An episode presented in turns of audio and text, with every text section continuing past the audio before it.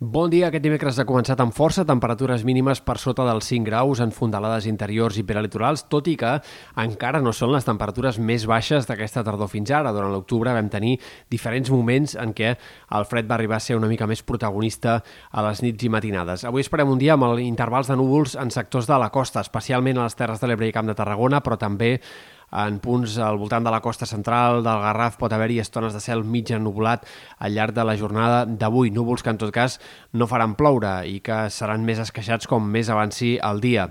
De cara als pròxims dies, el que esperem és que el sol continuï predominant. Amb el pas d'un front arribarà a deixar algunes pluges minces al vessant nord del Pirineu, però la resta, amb prou feina, augmentaran els núvols. I de cara a divendres i al cap de setmana tampoc n'hem d'esperar canvis en l'estat del cel. Però sí que hem d'esperar canvis pel que fa a temperatures i vent. Demà serà el dia més càlid de la setmana. Esperem màximes que poden fins i tot arribar als 25 graus puntualment en algunes comarques prelitorals de Girona i en general a la costa, sobretot i prelitoral, la temperatura pujarà 2-3 graus més que no pas avui. I en canvi divendres i al cap de setmana baixarà pronunciadament el termòmetre. Esperem valors ben bé 3, 4, 5 graus més baixos, un fred més intens i en aquest cas sí, de cara a les nits del cap de setmana és possible que s'arribin a produir les temperatures més baixes de la tardor fins ara.